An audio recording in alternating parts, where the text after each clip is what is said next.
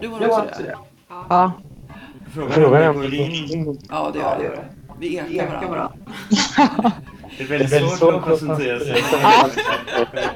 Jag vet att när vi gjorde det här en gång tidigare så provade vi på att dela på oss mer i rummet. Ja. Får jag vara så fräck och sprida på er? Ja.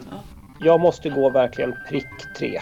Helst ett par minuter innan. Så att, eh, Ja, men det är helt okej. Hej och välkomna till Akademipodden, Sveriges Unga Akademis podcast. Idag så ska vi prata om metaforer och med oss har vi Mattias, Martin och Anna. Och jag tänker att ni får närmare presentera er själva. Martin? Ja, Martin Leins heter jag. Jag är docent och lektor i fysik vid Lunds universitet. Anna Drev Brandberg heter jag. Jag är professor i nationalekonomi vid Handelshögskolan i Stockholm. Ja, hur länge har- har ni varit ledamöter förresten, Martin och Anna? Lika Ja. länge. Ja, precis. Ja, vilket år var det? Eh, jag ska säga det var två år 16. sedan. Ja. Ja. Och sen Mattias, hej!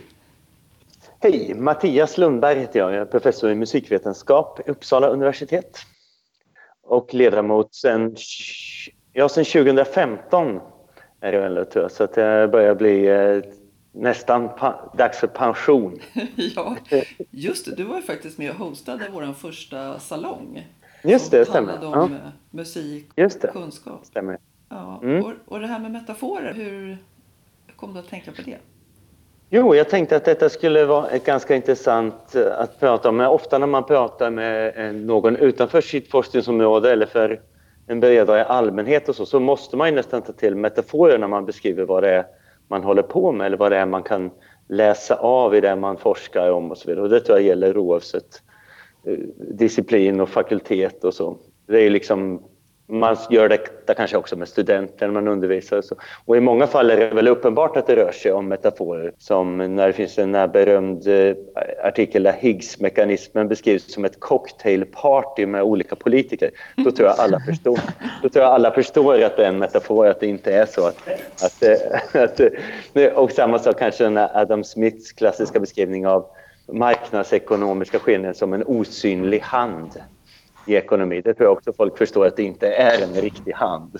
Men däremellan tror jag att eh, mellan detta och rent konkreta beskrivningar av vad vi faktiskt kan se och observera, där tror jag det är ett stort fält. Liksom. Hur är det till exempel med strängar, Martin, och med svarta hål? Är det verkligen svarta hål och strängar eller är det bara något vi kallar det för att förstå vad det handlar om, till exempel? Ja, eh, det är ju inte strängar och svarta hål på det sättet som vi är vana vid att se dem i vardagen. Så på så sätt så är det väl metaforer får man säga. Och eh, Och hur, hur har man kommit fram till de här? Har de liksom växt fram eller finns det en tradition att tala om det här på, eh, på det sättet? Går strängar till exempel ända tillbaks till Pythagoras tid eller är det en modern företeelse? ja, alltså det som man menar med i alla fall den, den moderna formen av strängteori som är ett av teoretiska fysikens försök att förena de fundamentala krafterna i en enda teori. Eh, det är ju någonting ganska nytt. Men det var väl något som man började med på 70 80-talet på något sätt. Och då finns det väl vissa grundläggande matematiska strukturer i den här teorin som kan liknas vid strängar. Och då är det någon som börjar kalla det för strängar för att kunna förklara det eller prata om det med, med folk som inte är teoretiska fysiker. Just det. När det gäller svarta hål till exempel finns det en ganska, ganska konkret anledning att kalla det svarta hål. Det är objekt där, där gravitationskraften är så stark så att inget ljus kan slippa ut. Och på så sätt är de svarta eftersom de inte släpper ifrån sig något ljus. Och hål är ju lite grann mer, då menar vi någon slags krökning av en fyrdimensionell rumstid snarare än ett eh, vanligt hål i marken. Ja, det är lite skillnad. Ja, det. Men det är ändå, svart är på något sätt en konkret beskrivning lite mer då, och hål något mer metaforisk, skulle man kunna säga då. Ja, Det är ju ofta så att de här, en del av de här blir så självklara eh, när det finns en tillämpning till exempel. Ja, eh, det finns ju den vardagliga tillämpningen för oss som inte är fysiker av fysik eller ju mer av formen att man inte ska tappa saker på fötterna och sådana här saker. Men när det finns en mer konkret tillämpning av någonting som vi forskar om, som i mitt fall till exempel med musik, då är det ofta så att många tror jag tänker sig att metaforen inte är en metafor, att den är på riktigt. Om man ska ta två exempel på hur musik egentligen metaforiskt beskrivs så är ju den ena att tonhöjder skulle vara höga och låga. Det har jag ofta stött på att folk tänker att detta är ju en beskrivning av hur det faktiskt är. De höga tonerna, de är ju där uppe. Liksom spatiellt och de låga är ju, eh, är ju så att säga på en lägre djupa och så använder man på alla språk och så. Men detta är ju egentligen bara en beskrivning av ett endast tusen år gammalt notationssystem där man har bestämt att det som man skriver på pappret högt är högt och det som man skriver på pappret lågt är lågt. Och på samma sätt är det ju att, att eh, då melodier till exempel skulle ha en utsträckning i, i, i rummet, om man ska tala om fysikaliska timer, att, att det finns en början och ett slut och så. Det gör det egentligen inte utan ljuden händer ju i, i en viss tid och om de bara hände där så skulle det inte betyda någonting mer utan det är först när man, när man lyssnar på det här och förstår det här som att man kan prata om att det finns en början och ett slut. Och, och eh, själva tanken att det, musiken skulle gå fortare är ju också en metafor. Det är bara att det är tätare information i så fall, men det är inte fortare. För tiden går ju med samma hastighet som alltid. Så att säga. Det är bara två exempel på mitt område där metaforerna är, har blivit så starka att jag tror de flesta inte ens tänker att det är metaforiska beskrivningar. Hur är det i andra språk nu för tiden? Är höga och låga toner, heter det högt och lågt på i stort sett alla språk? Ja, det har fått sånt genomslag eh, på, men det gjorde det ju inte i de gamla eh, eh, de språk som fanns då före, som är belagda som skriftspråk före ungefär årtusen då vi började med den här notationsformen. Så på många av de antika språken så är det ju starkt och svagt som motsvarar djupa och höga tonhöjder. Vilket ju är en helt annan metafor då. För oss betyder det något annat, då är det ju decibelstyrkan. Mm. Ja, vad är det heter när man ska spela starkt och svagt och svagt och lugnt? Och... och på italienska är ju forte, då är det ju starkt och piano är ju svagt. På italienska. Så piano forte som vi säger om instrumentet betyder ju att det är ett instrument som kan spela både svagt och starkt.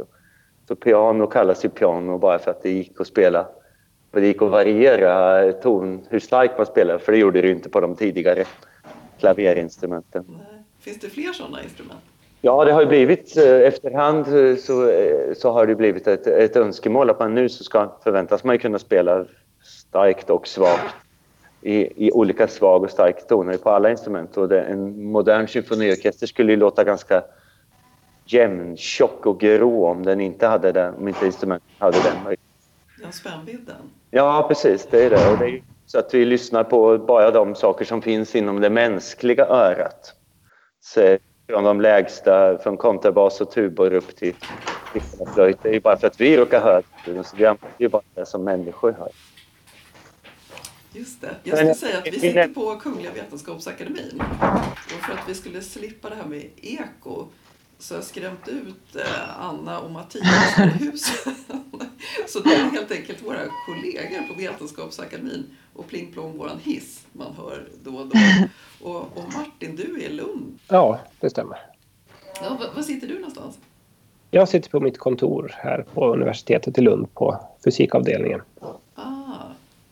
Här är det lugnt, inga hissar och inga kungliga vetenskapsakademiker som Nej. Det är ganska tunnsått med sådana här också ska jag säga. Det är nog mest tjänstemän i huset så här dags en fredag. Eller faktum är att det var någon stipendiekommitté vet jag som sammanträdde. Ja. Ja, det här var lite off topic här. Men Anna, vad heter det, du sa ju att det här, ditt område är ju egentligen inte samma som eh, där man inom ekonomi till exempel pratar om den osynliga handen. Ja, nej men jag blev lite nervös när ni frågade mig om jag ville vara med. För jag är lite orolig för att ni tror att jag är en slags nationalekonom jag inte är. Så att jag är ju inte någon som vet någonting om marknader, ränta, tillväxt, inflation och så vidare. Men jag har ändå läst en del nationalekonomi så jag, jag, jag känner igen att den, den osynliga handeln är, är väldigt närvarande. Det är den definitivt. Och det är väl som Mattias sa uppenbart att det är en metafor. Men den kan ändå bli lite på ett eget liv trots allt. Ja, precis. Varför är det så? I ekonomi finns ju väldigt många sådana metaforer. Man hör det här om överhettad marknad och... eh, Svångremspolitik. Ja, bull och bear marknad, Ja, alltså tjur och björnmarknad. Ja. Varför, varför är det så? Varför är, har det blivit inom ekonomi så metafortätt, tror du? Alltså en del av det, jag tänkte på det innan då, men en del av det är rapporteringen i ekonominyheter. Det är inte nödvändigtvis det som vi akademiska nationalekonomer säger. Det. Så jag menar, politiker gillar ju uppenbarligen att använda olika metaforer för att beskriva det ekonomiska läget. De pratar ju ofta om olika väderförhållanden. Ibland är det någon sportmetafor.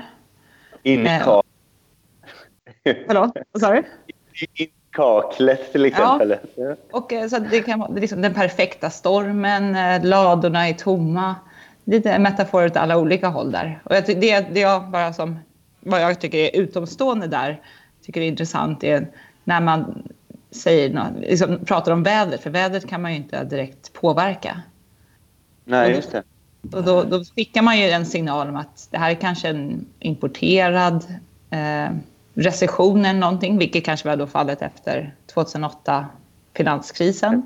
Men det, men det, det är väl sånt, liksom, pratar man om väder så är det något man inte kan påverka medan kanske är det sport eller annat, då handlar det om ändå hur man själv presterar. Ja, Själv då som nation eller liksom som ekonomi.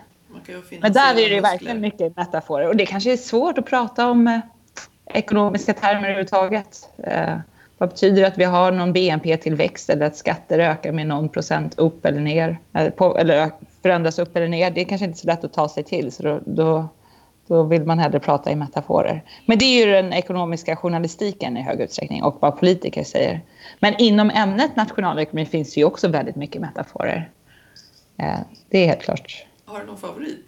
Alltså min favorit är egentligen inte en nationalekonomisk metafor, men den metafor jag jobbar mest med och som jag tänker på dagligen, som jag pratar om varje gång jag presenterar någonting, det är The Garden of Forking Paths. Och det finns ju inte något, väl, någon bra översättning på svenska.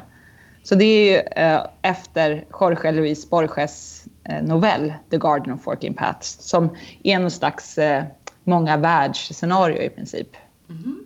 Och den har några statistiker börjat prata om för att tänka på vad är det vi gör när vi håller på med hypotesprövning och inte har specificerat i förväg hur vi ska göra analysen. Så vi låter datan och resultaten avgöra vilken slags analys vi gör.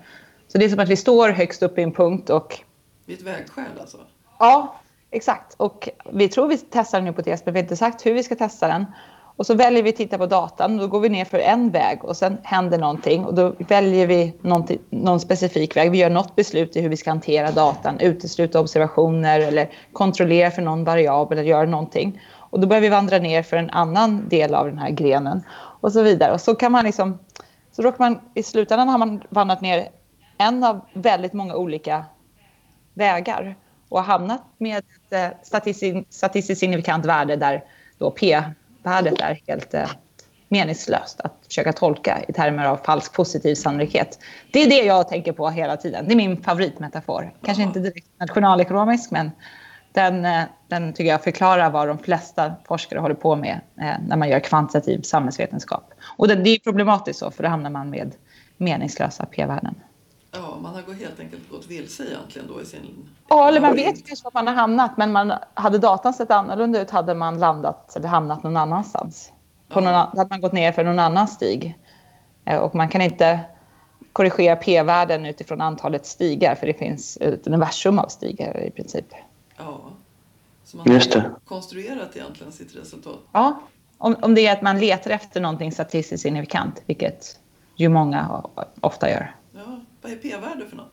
P-värdet, så när man gör någon slags hypotesprövning och har en nollhypotes och en alternativ hypotes och vill testa sig skillnaderna i genomsnitt mellan två grupper då, där, som man har randomiserat till kontroll och placebo. Så p-värdet är sannolikheten att man skulle observera det man ser eller någonting mer extremt om nollhypotesen är sann. Ja, eh, det verkar finnas en, två allmänna tendenser. Jag kommer att säga att om det är komplicerade saker, riktigt komplicerade saker, då tar man, måste man ta till metafor för att, för att eh, på något sätt göra det förstått utanför laboratoriet eller utanför mellan två möjligen specialister kan använda en icke-metaforiskt sätt att prata om, vad forskningen betyder. Men det är det ena. Och det andra jag tänkte på är då att det som angår många och talas mycket om varje dag, där verkar det också uppstå väldigt många metaforer. Då. Och ekonomi är väl ett sånt eh, ämne överlag, på, att bägge de här blir maximerade på något sätt. Det angår ju i högsta grad alla. Alla är beroende av att kunna förstå vad som händer med både sin egen privat, alltifrån sin egen privatekonomi upp till globala skeenden och försöka förutse hur man ska klara sig nästa år och så vidare. Samtidigt som det verkar vara väldigt komplicerat när du pratar om det Anna, så att man själv inte förstår. Och då kan man förstå att de här metaforerna har sin plats. Då. Men eh, finns det en risk att vi använder dem, blir då frågan, på ett sätt så att, eh, så att de så att säga, gör mer skada än nytta? Eller får alltså, sitt eget liv? Ja, så kan det ju vara. Just när det gäller den osynliga handeln eh, så har många varit oroliga för det, inklusive många liksom, klassiska Chicago-skola-stil nationalekonomer, att den osynliga handeln, metaforen kanske eh, kostar mer än det smakar ibland. Så jag menar, vad, vad, är det den osynliga handeln försöker säga? På något plan är det, och Adam Smith nämner den bara ett fåtal gånger också i den här eh, ja, folkets. Eh, folket, folkens välstånd då från 1776. Men där det, det, han försöker, det han säger i princip att vi kan, människor behöver inte vara eh, altruistiska eller någonting utan direkt, man kan i vissa situationer lita på människans eh, egna sökande efter eget intresse i princip. Att det kan leda till eh, utfall på marknader eh, som maximerar social välfärd. Och då social välfärd i nationalekonomi är definierat som konsumentöverskott plus producentöverskott. Men det kan man säga, det är liksom bagaren och så vidare behöver inte vara altruistiska eller ha några slags sociala preferenser för att eh, välstånd för samhället ska kunna skapas. Utan bara det faktum att de vill sälja sitt bröd eller någonting skapar då välstånd åt eh, samhället. Så summan av själviska handlingar blir, eh, kan få ett, ett bra så att säga, etiskt utfall? Är det det det handlar om? kan man säga? Ja, och liksom bra, bra utfall för samhället i stort. Och det, det är nog må, det många kommer ihåg från en introkurs i nationalekonomi. Och då är det viktigt att, och Adam Smith han pushade ju inte det här superhårt, men det är viktigt att tänka då att komma ihåg att det här kan ju gälla för vissa sorters marknader så där vi har perfekt konkurrens och inga externaliteter. Så externaliteter här eh, innebär att när man inte har externaliteter så reflekterar priser alla de relevanta kostnader eh, som en del av produktionen, kostnader och nyttor. Men vi tänker ofta att mycket av eh, till exempel produktionen har negativa externaliteter. Så, så företag som eh, förorenar och eh, ja, smutsar ner och inte tänker på det i deras marginalkostnad. Så de riktiga kostnaderna på samhället finns inte med i deras beräkningar i princip. Ja, just det. Och då blir det har... som ett, ett, missbruk om man tänker att man använder den osynliga handen, metaforen som att det, det är någonting som gör att man inte behöver ta några, göra några ingrepp alls ekonomiskt utan man bara litar blint på... Ja, för när vi har då marknader med negativa externaliteter då kommer vi ha för stor produktion. Så då leder inte den här osynliga handeln till det som är socialt optimalt. Ja, just det. Så att det, och då, då, men det, då borde vi kalla det någonting annat då. Men det är så lätt för folk att bara komma ihåg då, ja men perfekt konkurrens eh, med osynlig handel och det blir socialt optimala. Ja, men det här är nästan en så special case i ja. hur marknader ser ut. Ja, det är ju faran kanske att metaforen är så stark narrativ i sig så att man, man minns den, som du säger. Om man har varit på en introduktionsföreläsning om detta så kan man minnas det hela livet fast man ja, har glömt bort eller en introkurs. Efter en hel kurs kan det här också bara vara det man kommer ihåg så småningom. Det är en förförisk metafor verkligen. Ja. Ja, för det är det som är det svåra. Om, en metafor, om man beskriver en metafor som en bild som hävdar en likhet mellan två ting där det ena förutsätts förstås och alla vet vad en hand är. Men man vet inte alls hur en marknad funkar. Vad gör man då med alla metaforer där det inte ens det man liknar vetenskapens resultat vid förstås tydligt och entydigt av alla? En sak jag har funderat över på ditt område Martin, nu blir det verkligen mm. nybörjarfrågor här i, i fysik. Men om man ser till eh, sammansättningen av molekyler Ja. Kan, de, kan de så att säga idag observeras som att, ha, att de har en form och ett avstånd och så? Eller är detta rent metaforiskt beskriva dem som bollar med, som sitter ihop med pinnar så att säga? Ja, alltså man kan ju prata om position av atomer.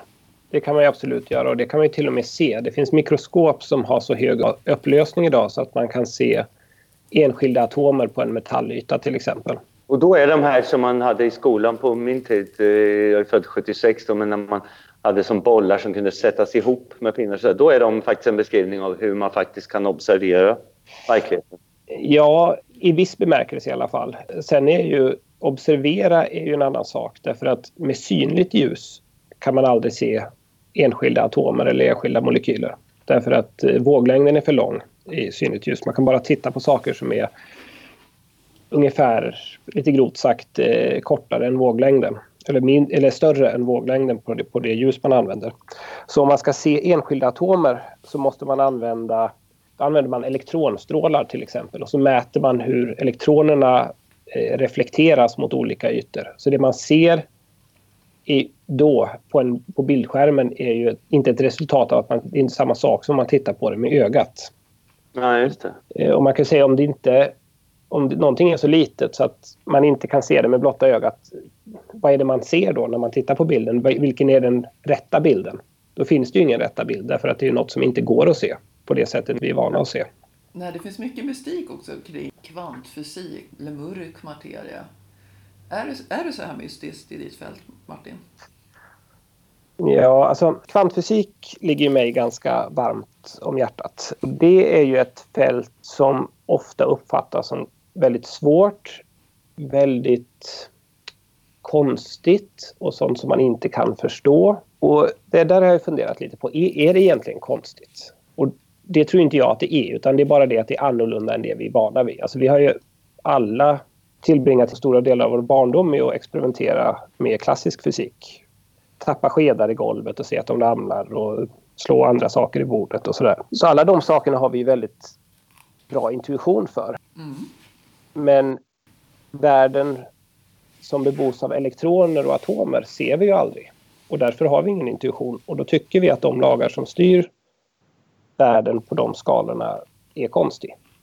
Men kvantfysik är ju beskrivet i en väldigt tydlig det finns en väldigt tydlig matematisk struktur bakom det. Man kan beräkna utfallet av alla möjliga experiment och det stämmer med det man mäter i labbet.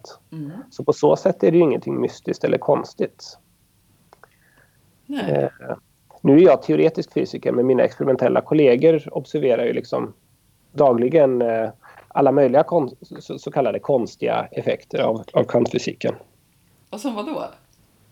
Ja, nu är det ju så att ska jag säga någonting då måste man ju på något sätt ett, äh, använda, använda metaforer igen. Ja, äh,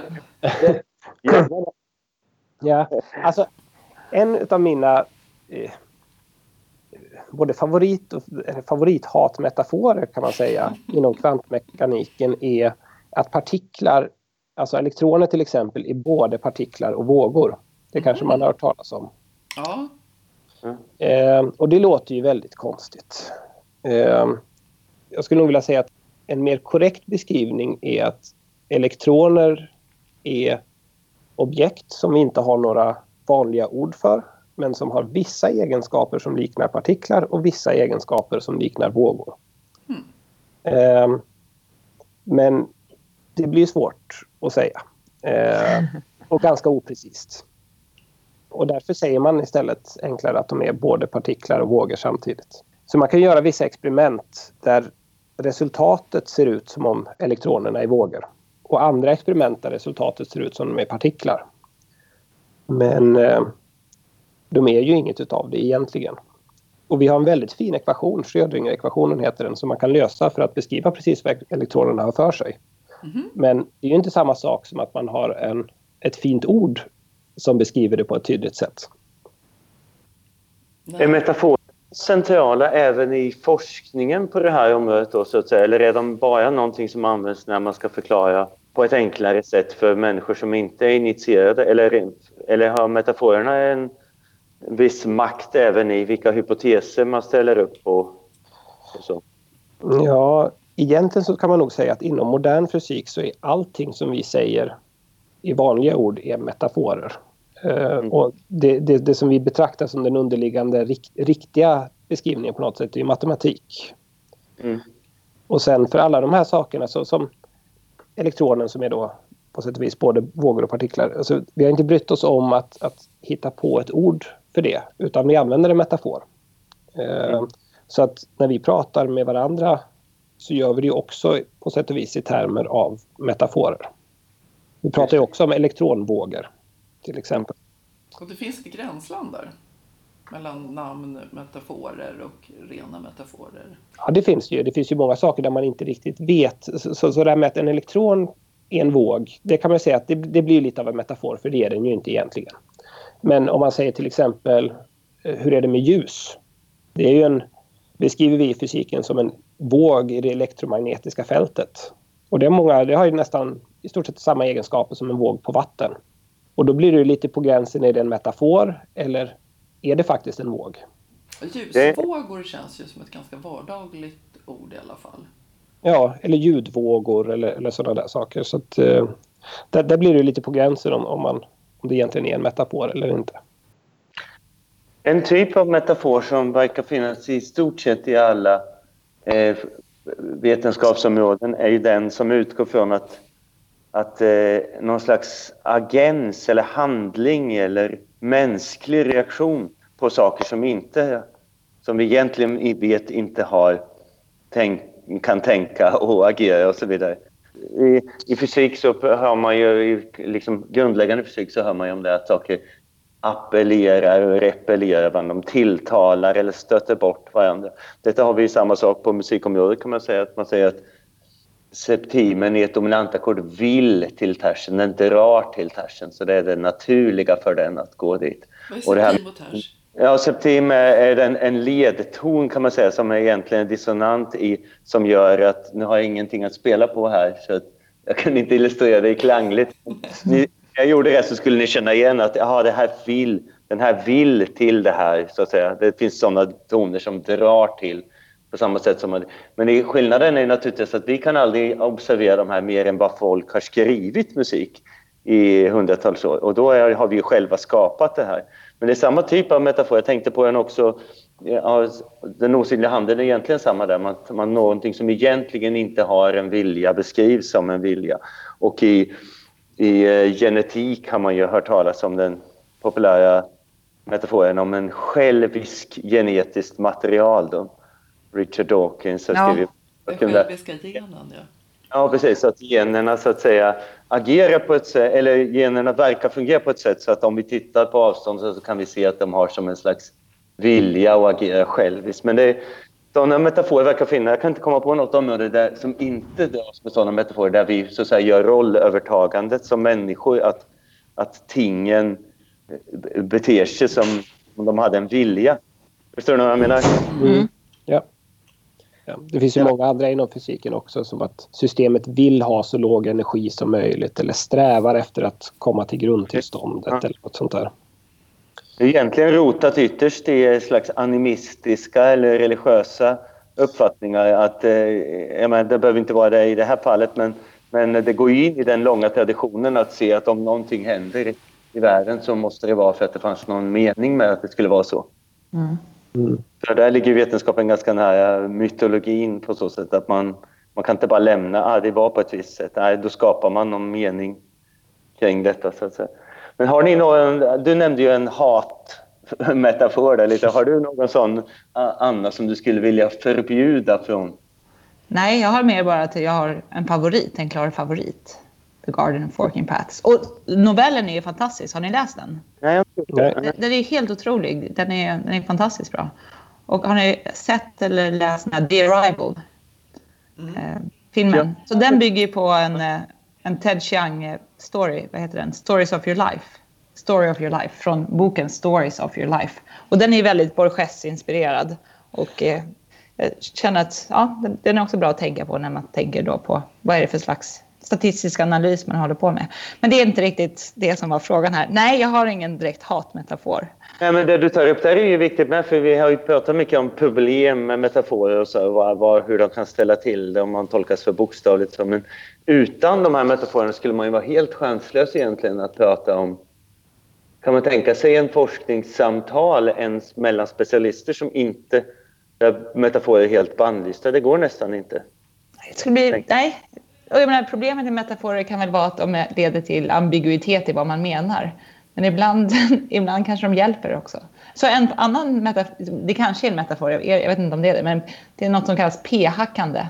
Så det är när man vill få ner sina, göra så att ens resultat blir statistiskt signifikanta och vill få låga p-värden. Att man då ska hacka ner sina p-värden eh, genom att prova olika slags tester och eh, inkludera och exkludera observationer och så vidare. Vidare p-hackande. Det, det tycker jag är jättebra. Ja, men det är en jättebra metafor tycker jag. Är det en metafor, Mattias? Ja, det skulle jag säga. Men ska, ska, man, förstå det då som en, ska man förstå det som att man, eh, man finkalibrerar sina resultat eller är det ett tendentiöst sätt att... Det är mer tendentiöst än finjusterat. Det är att aktivt söka efter statistiskt signifikanta resultat när man inte har statistisk signifikans. Men man kan nog lura sig själv till att tro att eh, det man gör är någon finjustering. Så innan det här ordet p-hackande fanns förstod man väl att någon, något sånt här kunde vara problematiskt. Men sen några år tillbaks då en studie kom ut, jag tror det var 2011. Sen dess när vi, har vi det här ordet och använder det och då vet alla vad vi menar. Det är intressant att hacka används som en metafor idag. Alltså att man tycker att det är någonting som alla vet vad det är så att då liknar man annat vid det. Eh, Just det. Ja. Fast det är en så, så pass modern företeelse i sig ja. själv. Ja. Ja, det är ganska intressant här metafor. Att all, all ny eh, upptäckt, så att säga, vare sig den är empirisk eller logisk eller teoretisk eller argumentationsmässig eller vad vi än håller på med, så, så fort vi har någonting nytt observerar något nytt så finns det ju nästan per definition inte ett ord för det. Därför måste vi ta till någonting. Eh, så det måste ju vara otroligt intressant att tänka, att se läsa, tänker jag, för till exempel för en fysiker, att läsa Newton och så och se att han tänker, han har sett de här sakerna men han beskriver det på ett helt annat sätt för han har inte, han, han, han har inte tillgång till massa metaforer som har uppstått sedan dess under 17, ja. 18. Det är otroligt ja. spännande att tänka. Ja, men så Adam Smith igen då, så han skrev ju om eh, osynliga handen. Så hans, I hans tidigare bok The Theory of Moral Sentiments där, den handlade ju mer om vår moral och sociala preferenser. Och där beskriver han hur, hur våra beteenden bestäms av någon slags kamp mellan våra, vad han kallar passioner och sen någon slags impartiell spektator som är vårt opassionerade samvete. Men just det. Det är en metafor för någonting som sen kanske har eh, lyfts upp delvis av någon som Daniel Kahneman som fick Riksbankens pris i Alfred Nobels minne i ekonomi. Så är psykolog vad han pratar om, han och eh, Amos Tversky, system 1 och system 2. Men då, sen går det kanske från att vara en metafor, metafor till att vara någonting mer reellt. Så en del, en del neurovetare, absolut inte alla, eh, tycker att det finns något system 1, system 2 liknande i hjärnan. Mm. Eh, hjärnforskare kan väl säga mer om det här. Men det, det, det tycker jag, så Adam Smith verkar ha varit kreativ när det gäller metaforer kan man säga. Ja. en del i hans framgång.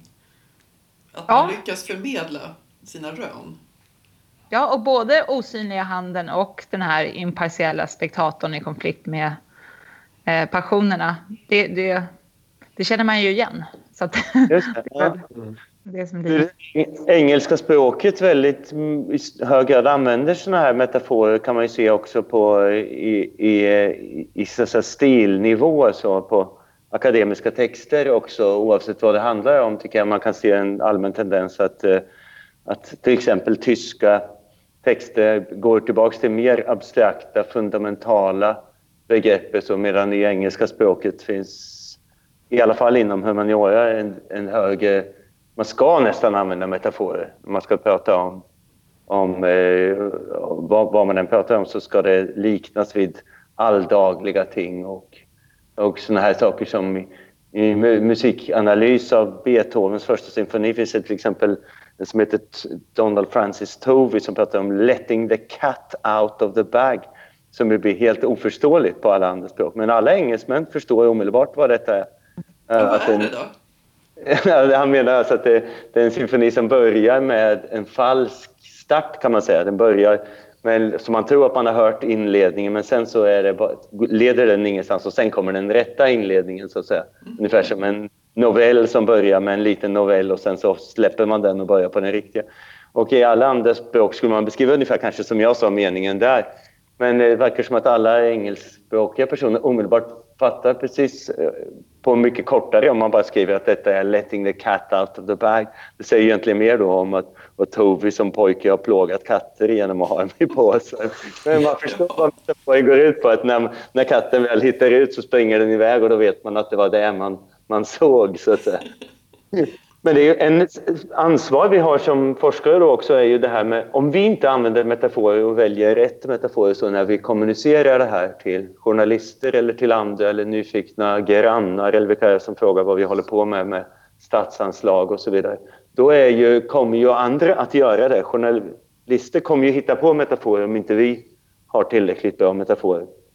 Har ni stött på något sånt på era områden där, där det finns en separat så att säga lekmannamässig eller journalistisk sätt att tala om era ämnen som, som skiljer sig från den som professionella forskare använder?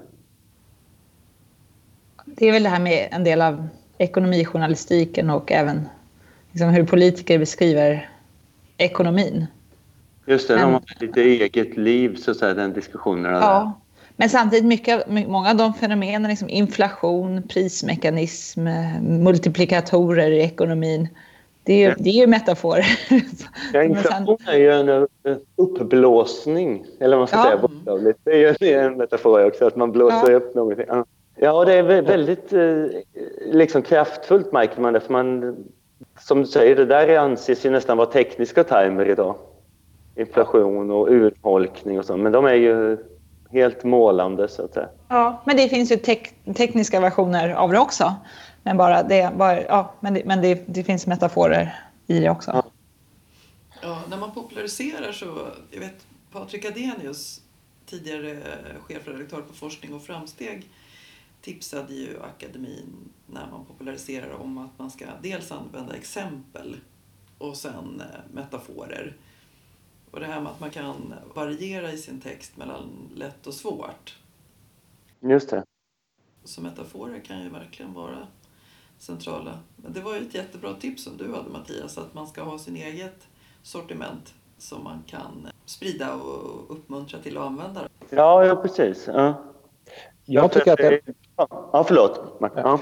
Alltså jag tycker att en viktig aspekt är kanske inte exakt när det handlar om det här att inte, inte förvanska vetenskapen. Att, att man förklarar att det är en metafor man sysslar med. Alltså om man säger, när jag kommer tillbaka till det här med elektroner som våg och partikel, så tycker jag det är okej eh, att använda den metaforen.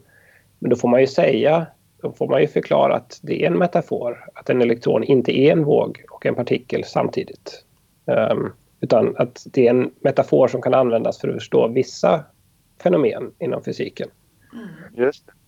För det jag, jag tycker jag... Också, ju mer komplicerade saker det rör sig om, desto populärare blir det ofta. Det uppstår ofta en slags populärkulturell förståelse för kvantfysik verkar ju i hög grad vara en sån. Ja, absolut. Det skrivs alla möjliga konstigheter och, och görs till grund till, till eh, liksom olika eh, påhittade dilemman och så här. Och, och, en sån där vulgärförståelse som jag, man stöter på ofta, som jag utgår från är en vulgärförståelse, är det här att ja, men kvantmekanik, enligt det så kan ju två saker vara, det är inte längre binärt, utan två saker kan vara lika sanna samtidigt och så vidare. Jag förmodar att detta inte bara är en metafor utan en slags felaktig förståelse av principen. Som en kreativ överföring. ja, eh, Alltså, alltså det, det, det, finns ju en, det finns ju en grund för det. Två saker kan inte vara sanna samtidigt. Eh, men... Eh, jag förstår att det är en tilltalande tanke att det skulle vara så. Plötsligt ja, kommer fysik ja, fram till precis. anything goes. Nej, så, att, så att, eh, det är ju en felaktig tolkning helt enkelt. Det finns ju i kvantfysik kan man prata om att, att system kan vara i två tillstånd samtidigt. Superpositionstillstånd det är på sätt och vis det en matematisk beskrivning på väg till någonting. Och två saker kan ju inte vara sanna samtidigt, inte ens i kvantfysik. På att ta, det, på att ta allting för långt finns det ett intressant eh, exempel just i kvantfysik. Det finns ju den här boken som kom ut för ett tag sedan som heter Livet med kvantfysiska glasögon. Eh, som jag aldrig har öppnat, eh, men som det var ganska mycket debatt om för ett tag sedan. Just det. det var som att de lånade er terminologi. Som ja. var ganska uppåt väggarna. Ja, och de drog, det var ju, nu har jag som sagt inte riktigt läst den så jag är kanske inte rättvis att jag försöker recensera den. Men, men det jag har hört är ju att de på något sätt argumenterar för att det finns inte sjukdomar på riktigt. Eller, ja, alltså, alla möjliga liksom, råd hur man skulle leva sitt liv baserat på då, eh, kvantfysik. Och nu gör jag citationstecken när jag säger kvantfysik, men det ser man ju inte på. ett, slags, uh, ibland har man så lägger till kvant framför alla möjliga andra discipliner. alltså, kvantmedicin läste jag någonstans, vilket av det sammanhanget att döma föreföll vara mer någon slags så att säga, ej empiriskt belagd alternativmedicin. Men då använder man kvant för att det är ju det, är ju det som möjliggör att det här också kan vara sant. Så tolkade jag det. Inte. Ja, just det. Ja, För alltså, annars, ja. De kan ju bara vara lite kreativa i den statistiska analys de gör och så kan de visa att vatten har minne eller vad heter det, extrasensory perception och telepati fungerar. Det finns sådana statistiskt signifikanta resultat i topptidskrifter. ja, de... precis. ja. Nej, alltså sådana här, flumtolk, sådana här flumtolkningar av kvantmekaniken det är sånt som jag verkligen kan, kan reta mig på.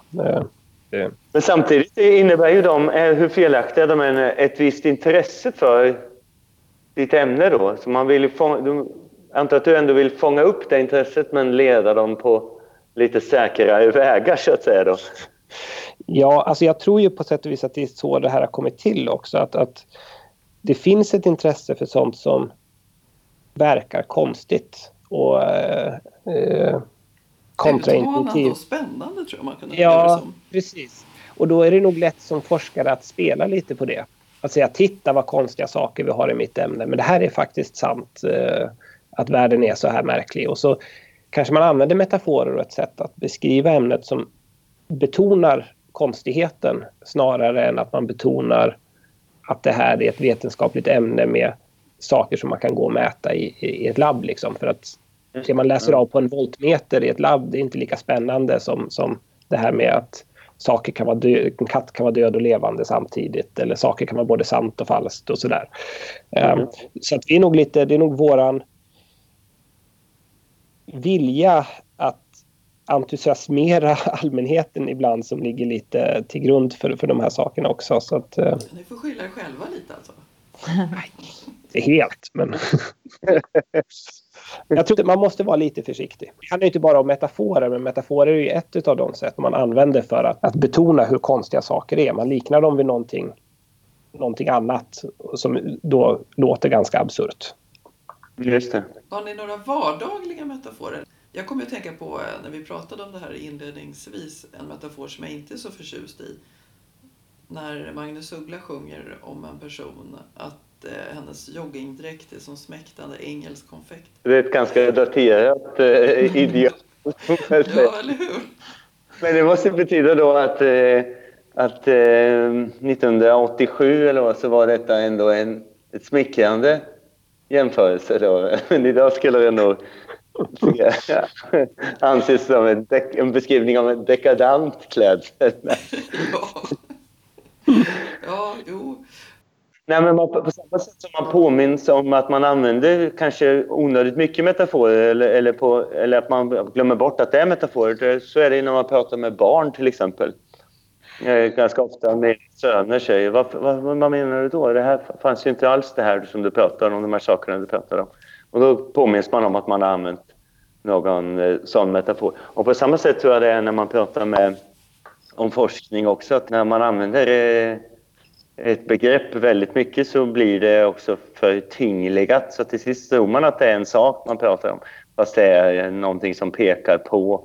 Till exempel om man pratar med barn om, eh, om riktigt klassiska metaforer som hos Platon, i Platons dialoger och den här grottan som ju är då en metafor för att ingen kan så att säga, betrakta verkligheten eller idévärlden eller matematiken bakom verkligheten. Man det är bara en slags efter avspegling av... Det, om man säger, tar det till ett barn så kan de ju säga, ah, vadå, varför måste man sitta i en grotta? Deras förslag på lösning av det dilemmat, ah, jag tycker det vore bättre att gå ut ur grottan och titta på verkligheten som det faktiskt är. Eh, och det är ju, nej, precis. Nej, men det är helt riktigt också. Och, det, och på det sättet så är det ju, eh, måste man inte bara förklara metaforerna varför de är giltiga eller varför de är rimliga och så vidare. Utan också varför man använder dem, för att det ofta är, man tar till dem för att det jättekomplicerade saker man vill säga. Så att säga. Och Martin, Mm. nu ska vi snart vinka av dig. För du Ja. hade, fick lov att gå klockan tre. Ja. Hade du någon vardagsmetafor? Nej, jag satt och tänkte på det här med barn eh, och metaforer. som jag säger, Och det gör man ju, men jag kommer inte på någon bra faktiskt. Jag kommer inte på något bra exempel. Nej, jag vet mitt lilla barn, när han, eh, men när han var liten och vi skulle bada på kvällen så kunde vattnet vara varmt som en eld. Eller så var han frozen solid, sa han. Och det är tydligen någonting som Pokémons kunde vara, att de var så bottenfrusna. Okej. Ja, de hittar sina egna metaforer. Du får lyssna på Ja. dina barn Martin, eller pratar om något. Ja, jag får göra det. Jag ska hem och hämta på dagis nu så att eh, jag får tillfälle att pröva några metaforer på vägen hem kanske. Ja. Du ska springa som en... Ja du. Jag ska cykla ska jag göra Ja, faktiskt. Okej, jag är inte som en gasell då kanske. Nej. Det var jättekul att du var med. Det var jättekul att vara med. Vi får önska dig trevlig helg och så kanske vi ses i Amsterdam nästa vecka. Det gör vi. Okej, Okej, Ha det bra, vi ses. hej då. Jag sitter och funderar på, jag tror att man använder otroligt mycket metaforer i vardagen men när man väl ska komma på något exempel så, så eh, kan man inte peka ut och skilja ut dem från det vanliga så att säga, svadan av saker man säger som är av andra kategorier, mer konkreta påståenden och så vidare. Och därför så, det betyder ju att man nog har handskats ovarsamt med metaforer, tänker jag mig. Ja, de har införlivats. Ja, precis. Annars skulle man ju direkt kunna säga att nej, men det här säger jag ofta eh, metaforer. Men det är återigen i vissa språk mer sådana såna rena idiom eh, har vi ju eh, lite lantligt tror jag i Sverige. Jag, jag är från landet där, så där kanske man kan eh, ofta säga sådana grejer. Det är som att slänga i en gädda efter maj eller så där, när den redan har lekt eller så. Det, är sådana som inte förstås längre, så ingen bor på landet den, den fattade inte jag. Vad innebär det? Det är om man, att man ska plantera, att man ska slänga in gädda som redan har lekt då på våren. Då blir, kommer det inte bli några ungar så att säga.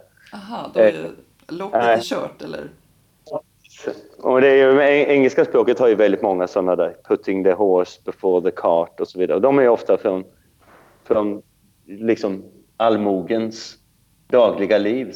Jag lärde mig av en eh, holländsk kompis att the bullet is through the church, sa hon. Jaha, kulan har gått igenom kyrkan. Ja, Den är inte, den är inte vid första... Man kan med fantasi tänka vad det betyder, men den är inte självklar. Nej, jag, Ja, man- jag förstod inte.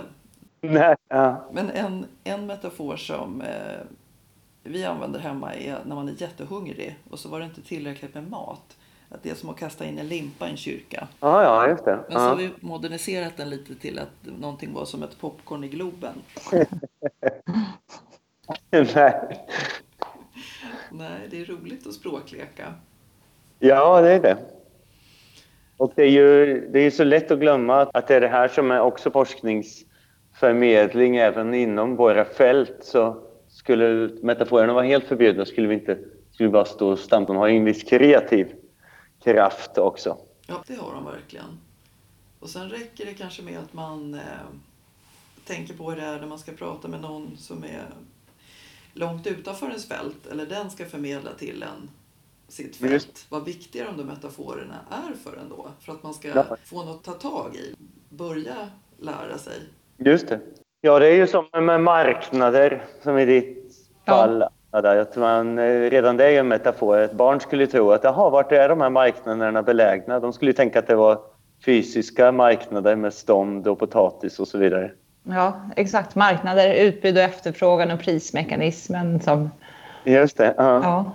Om, man, man, om man skulle summera kanske och försöka dra några slutsatser. Vi kan väl säga att vi alla har sett att det finns metaforer som löper stor risk att och- som ofta gör det. Eller inte kanske heller missuppfattas utan också tas allt bokstavligt. Vilket ju är, är också en slags missuppfattning att man tror att det faktiskt är metaforen inte pekar på något utan att det är något i sig själv. Men också kan man väl säga att i många av de här exemplen vi har haft att det finns en stor förklaringskraft ska man säga i metaforer. Annars hade de inte upp, hittats på eller spridits. Ja, och att de Mm. Också kan gynna kreativiteten. Ja, verkligen. Ja. Ja, vad kul och vad roligt att få höra så mycket om era forskning också. Ja, det var Ja, jättekul. Tack för det här. det ser alltid mycket när man pratar med, med er andra här. Ja, i akademin, ja, det är verkligen en otrolig bonus. Ja, verkligen. Vi har ju invalsperiod nu. Är du en potentiell ledamot, det vill säga du är en framstående forskare som har disputerat för två till tio år sedan och eh, har ett stort engagemang, så tycker vi att du ska söka. Sverigesungaakademi.se. Där finns det mer information. Eller hur Mattias och Anna? Vore inte det bra? Yes. Det är superkul. Yes, det är det. Det kan verkligen rekommenderas. Och där hade du en kanonfin eh, metafor också. Framstående. Den som står fram lite från de andra. Det är sådana metaforer man inte tänker på att det är. Nej, Tusen tack Annika för detta och för ditt fina modererande och ordnande av detta. Det har varit väldigt roligt tycker jag. Ja, nöjet är helt på min sida. Och så ska vi också säga kärt tack till alla som eh, lyssnar. Jag hoppas att vi eh, hörs snart igen. Tack så mycket igen Anna och Mattias. Tack.